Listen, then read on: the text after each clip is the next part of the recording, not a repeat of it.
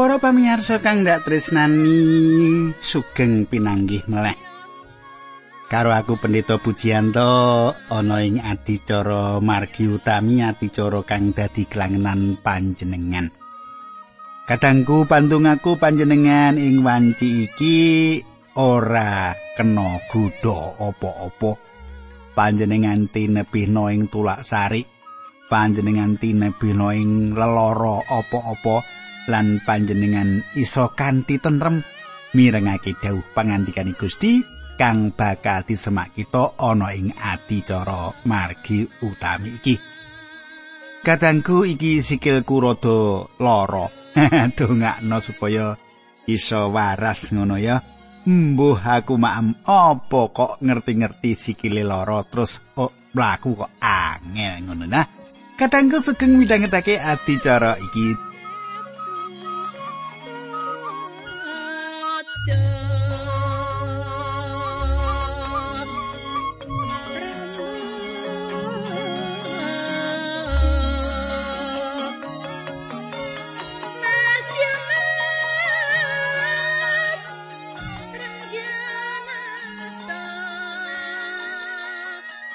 Sumitraku, tak jaluk panjenengan isih kelingan apa sing tak aturake nalika patemon kita kepungkur. Patemon kita kepungkur kita wis nyemak kepiye kudune Harun ditabisake dadi imam agung lan wiwit nindakake kewajibane.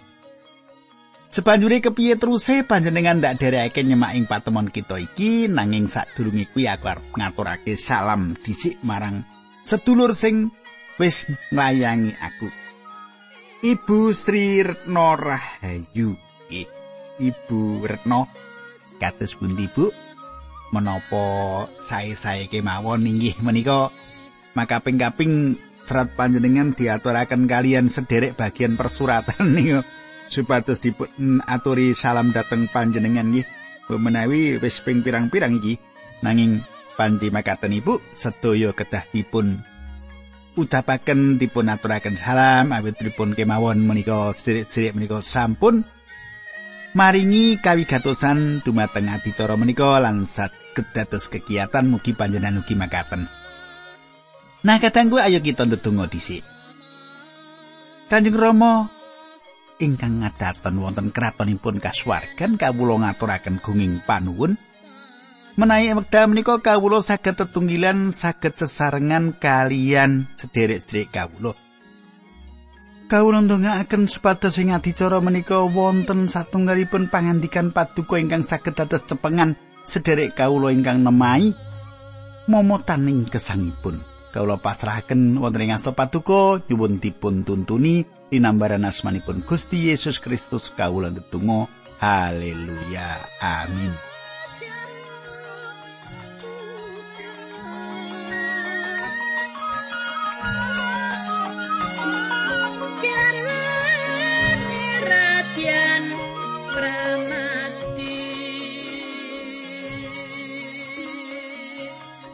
Sumitraku saiki pasinaon kita wis ngancik ing kitab Kaimaman bab 10.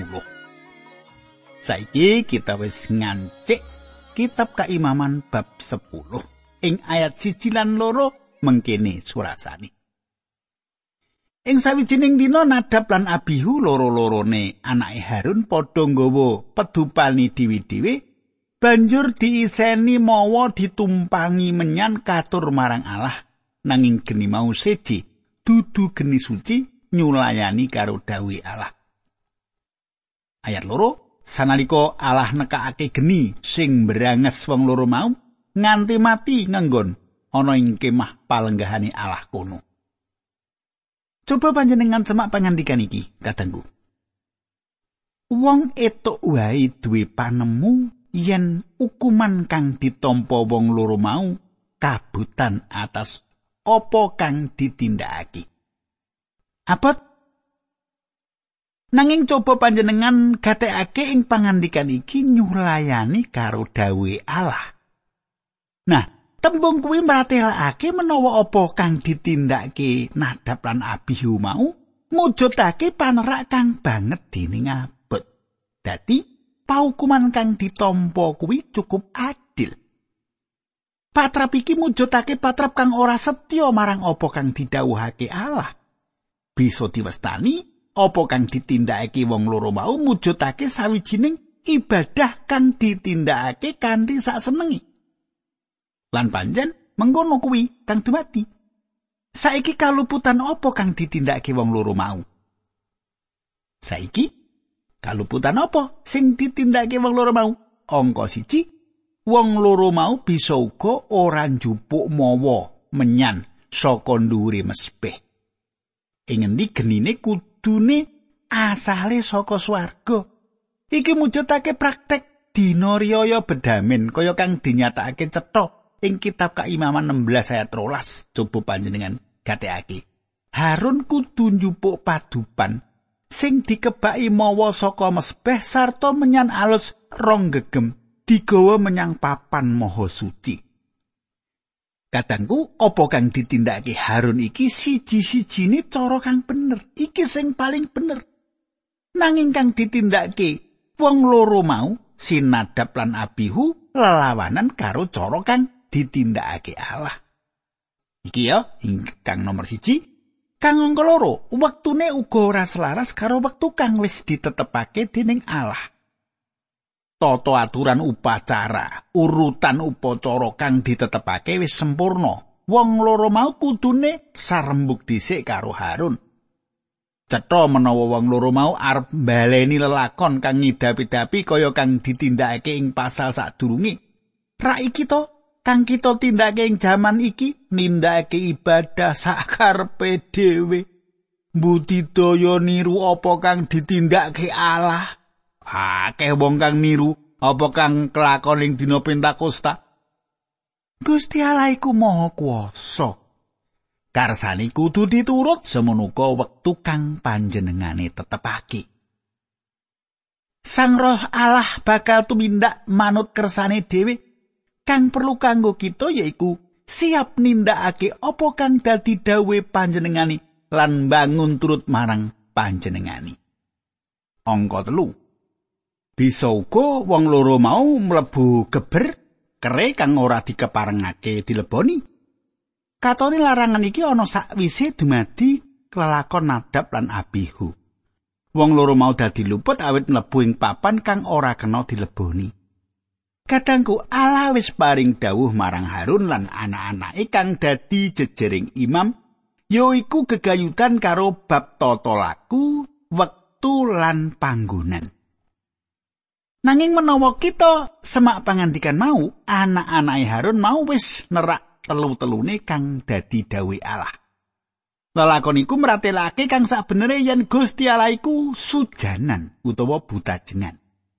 Panjenengane kagungan panguwasa sapa wae kang arep sowan marang Allah kudu nuhoni apa kang dadi syarat-syarat kang ditetepake panjenengane wis kabukti kayekten yen bangun turut luwih becik tinimbang nyaosake kurban Allah ora bakal nampa ibadah kang sakarepe dhewe. Ora dianggep panjenengane senadyana ati kita jujur. Sinadyana ati kita jujur ora dianggep dening Gusti Allah. Kita kudu ngerti ing kene ora ana wong kang ora bisa tumomo bab hukum. Ora ana wong kang kebal hukum senadyan wong kuwi duwe kalungguhan dhuwur minangka jejere imam ora kebal hukum. Kadangku paukuman kang dumati kuwi mesti wae ngagetake ora ana pratela sing mratelake yen geni kuwi asale ora saka Gusti. Ayo kita mangerteni yen pengadilan iku ora perkara kang anyar ing jaman Syekh Rahmat iki. Bisa uga hukuman kuwi ora ditindakake sak jek sak nyet ing jaman saiki pengadilan kang dumati ing jaman perjanjian lawas lan perjanjian anyar iki mujudake patuladan kanggo wong pracaya yen ibadah kang ditindakake sakarepe dhewe kuwi ora dadi keparengi Gusti Allah. Wong pracaya kudu sowan mring Allah selaras karo carane Allah lan dudu nganggo carane dhewe. Wong pracaya kang dosa kudu manembah Allah selaras karo cara kang dikersakake Gusti Allah. Kadangku, kita kudu sowan mring Allah kanthi kendel nanging uga kudu kanthi rai Gusti Yesus kita wani sowan amarga kita duwe imam agung atas daleme Allah Allah ing kene mbedakake antarane kang dadi sengkeran lan dikeparengake. Kaimaman 10 ayat 10. Kowe wajib mbedakake samubarang sing sengkeran ya kuwi sing mligi kagemalah lan sing lumrah, sing suci lan sing najis. Sumitraku aja duwe anggapan ing wektu iki Allah ora bisa tumindak paring paukuman nalika kita nindakake panerak ing ngarsane. Ing titi mangsane mengko Gusti Yesus bakal ngadili jagat kang ilang iki kanthi tegas lan ora ana pangapura. Henok menehi pameca ing Yudas 1 ayat 14 nganti 15. Mengkene surasane. mungguhing wong-wong mau Henok putra turunan kapitu saka bapak Adam wis meca mengkene delengen.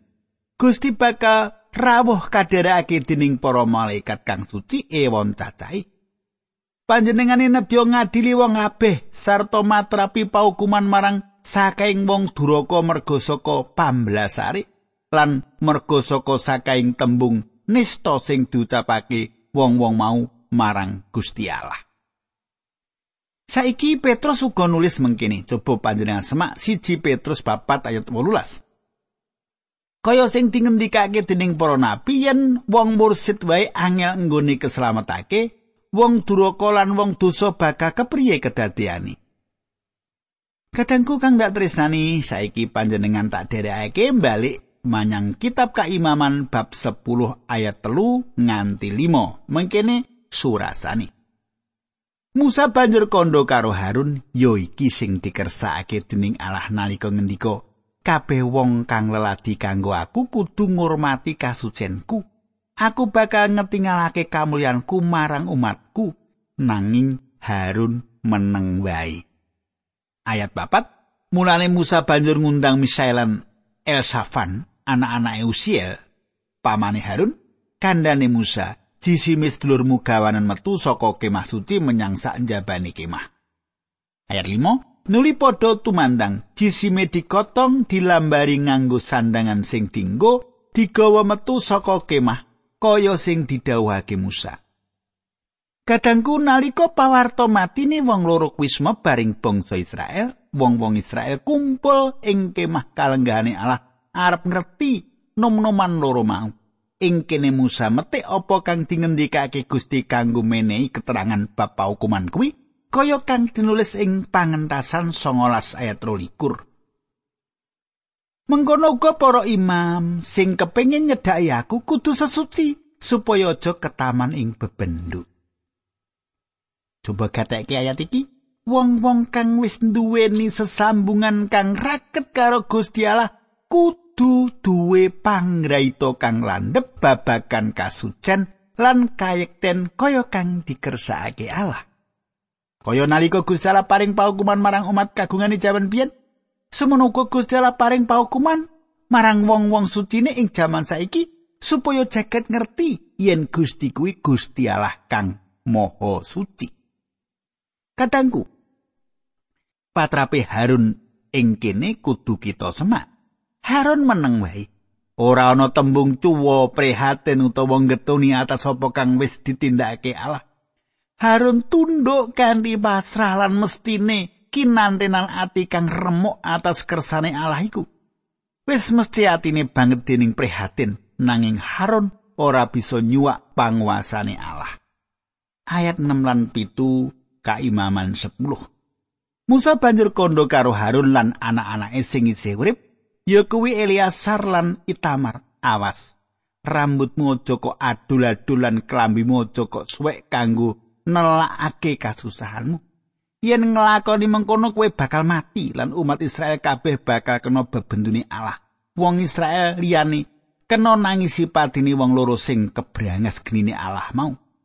Nanging kowe Harun lan anakmu loro aja metu saka kemah suci supaya aja mati merga kowe wis padha dijepati lan wis dipiji ngladosi Allah.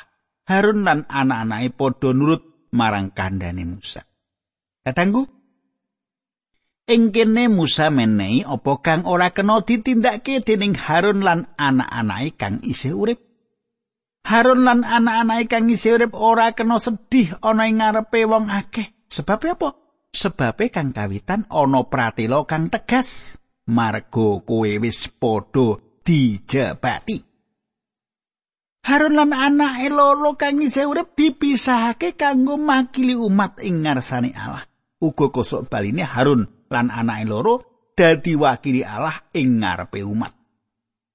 Para imam kudu ana ing sajroning kewajibane lan tetepo ing kalungguhane supaya ana wong kang dadi pantoro antarane Allah lan manungsa.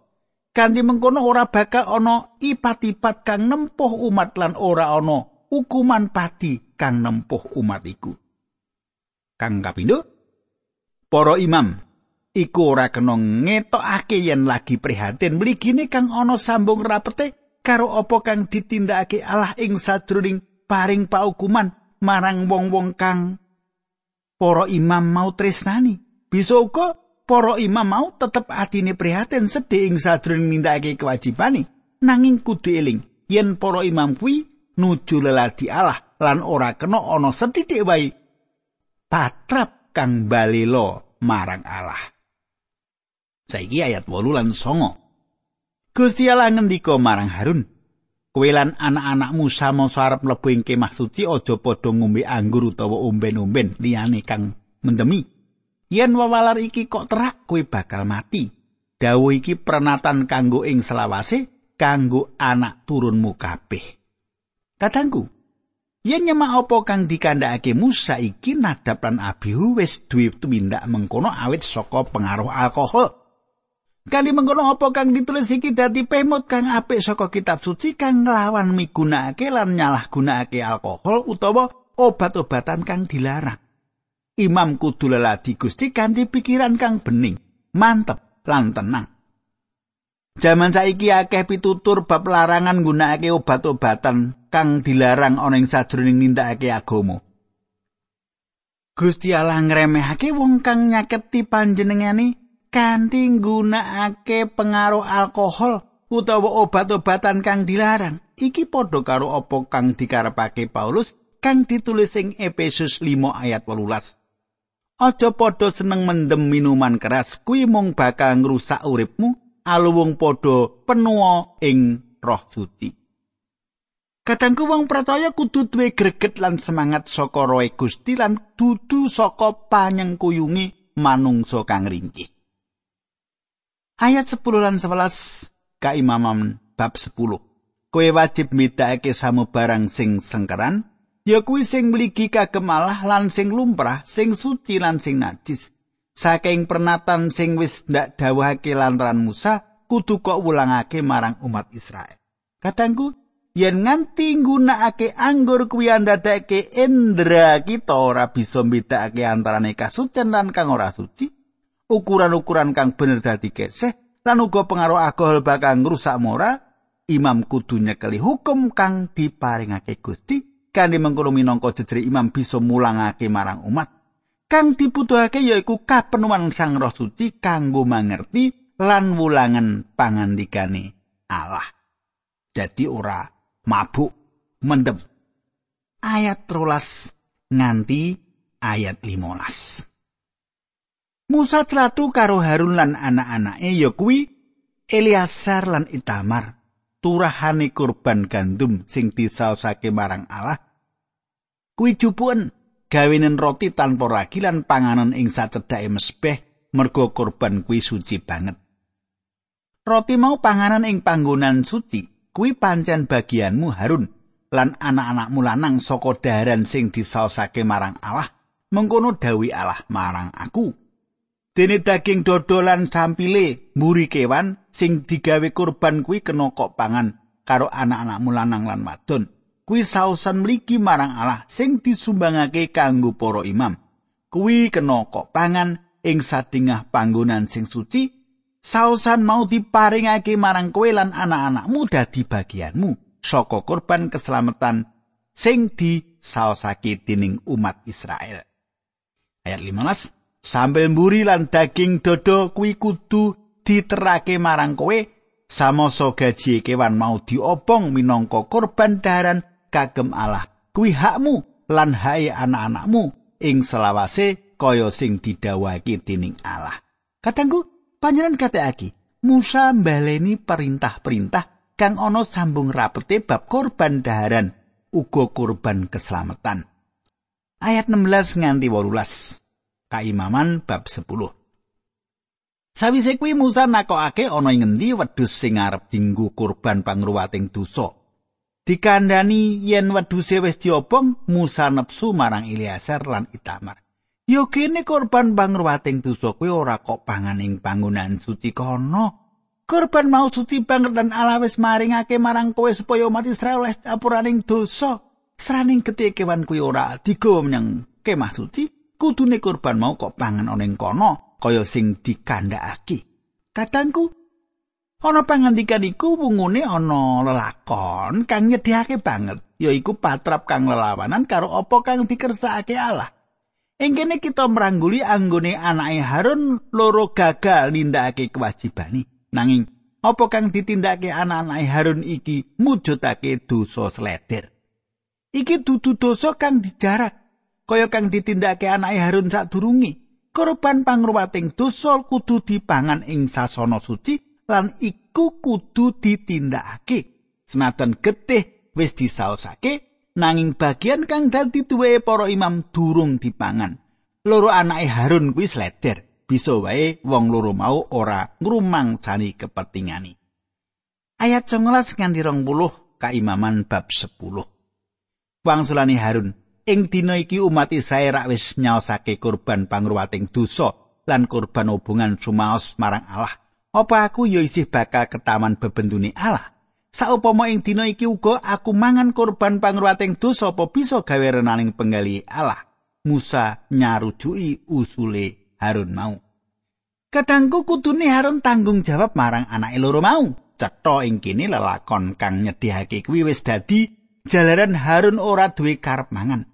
Ora mung kuwi Harun uga rumangsa ora ana gunane kanggo nerusake lelade ing ngarsane Allah. Musa rumangsa marem karo keterangan iku. Manut panemuku, Harun kaya arep mundur wae. Saka lakon iki ana kayekten kang ngedapi-dapi kang bisa kita sinau. Wong-wong iki sowan ning ngarsane Allah atas karepe dhewe. Allah ngadili wong-wong iki. Menawa Allah paring paukuman saiki kaya nalika paring paukuman marang Nadab lan Abihu, tak pikir setengah anggota gereja bakal mati ya.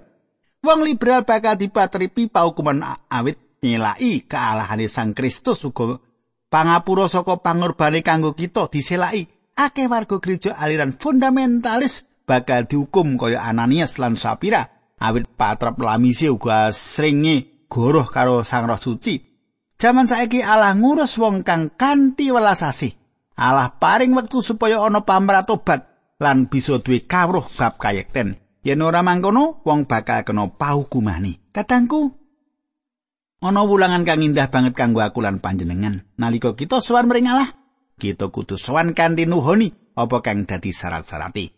Iki dudu aturan kang bisa kita gawe dhewe. Kita ora bisa gawe aturan. Allah yaiku panjenengane kang nyelametake lan Allah yaiku panjenengane kang paring pangandikan kepiye kita bisa dislametake. Gusti Yesus Kristus paring pangandika yen ora ana wong siji wae kang bisa sowan Sang Rama menawa ora lumantar panjenengani. Katanggu kepiye terus perangan iki? Yo so yen kita ketemu neh, kita isi sinau saka kitab keimaman, ojo lali patemon kita, candai kita bakal terusake. Saiki monggo kita ndedonga. Duh Kanjeng Rama ing swarga kawula ngaturaken gunging panuwun menawi kawula sampun jumangkah majeng. Anggen kawula sinau kitab-kitab paduka menika.